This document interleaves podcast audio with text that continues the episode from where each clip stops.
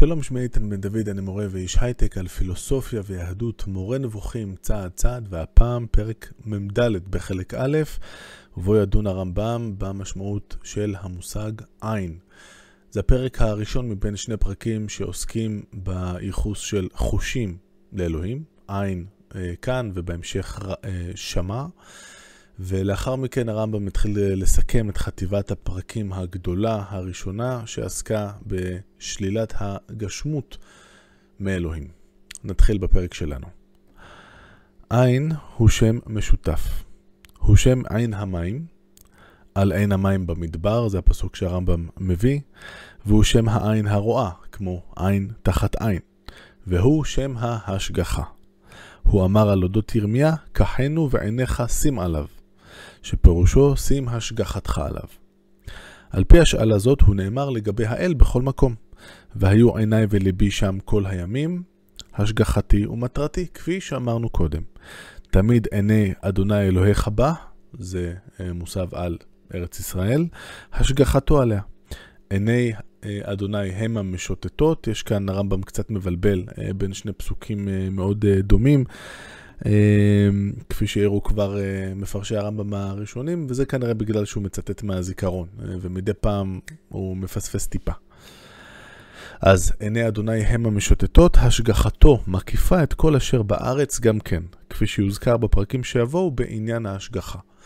נשים רק אה, לב שכאן הרמב"ם, הטיפול שלו לאורך מורה נבוכים במושג ההשגחה, קצת אה, מעורפל, מדי פעם הוא כותב את הדברים בצורה מאוד, אה, שעולה בקנה אחד עם התפיסה השמרנית, הנאיבית, הקלאסית, נקרא לזה ככה, ולפעמים הוא זורק רמזים אה, שזורקים אותנו לכיוונים או לפרשנות יותר רדיקלית של, ההשג... של ההשקפה שלו אודות ההשגחה. זה בהחלט אחד המקומות שלכאורה הדברים מאוד פשוטים, וכמו שלמדנו בגן לגבי ההשגחה של אלוהים, הוא משגיח על כל הארץ, אין כאן שום מורכבות.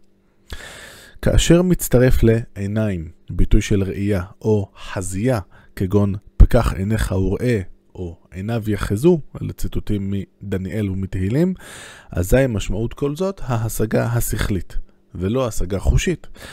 שכן, וכמובן ההסבר הוא מה שמעניין אותנו כאן, כל תחושה היא היפעלות וקבלת רושם, כפי שאתה יודע, והוא יתעלה, כלומר אלוהים, פועל ואינו נפעל, כפי שאסביר.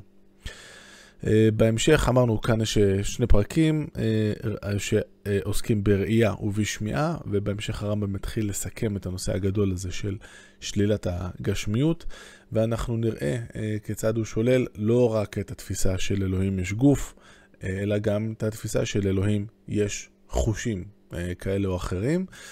אמ, בסך הכל הפרק הזה, אני חושב, לא מעמיד אה, בפנינו קשיים מיוחדים. אם צלחנו את כל הפרקים עד עכשיו, אז שום דבר ממה שיש כאן לא מפתיע אותנו יותר מדי.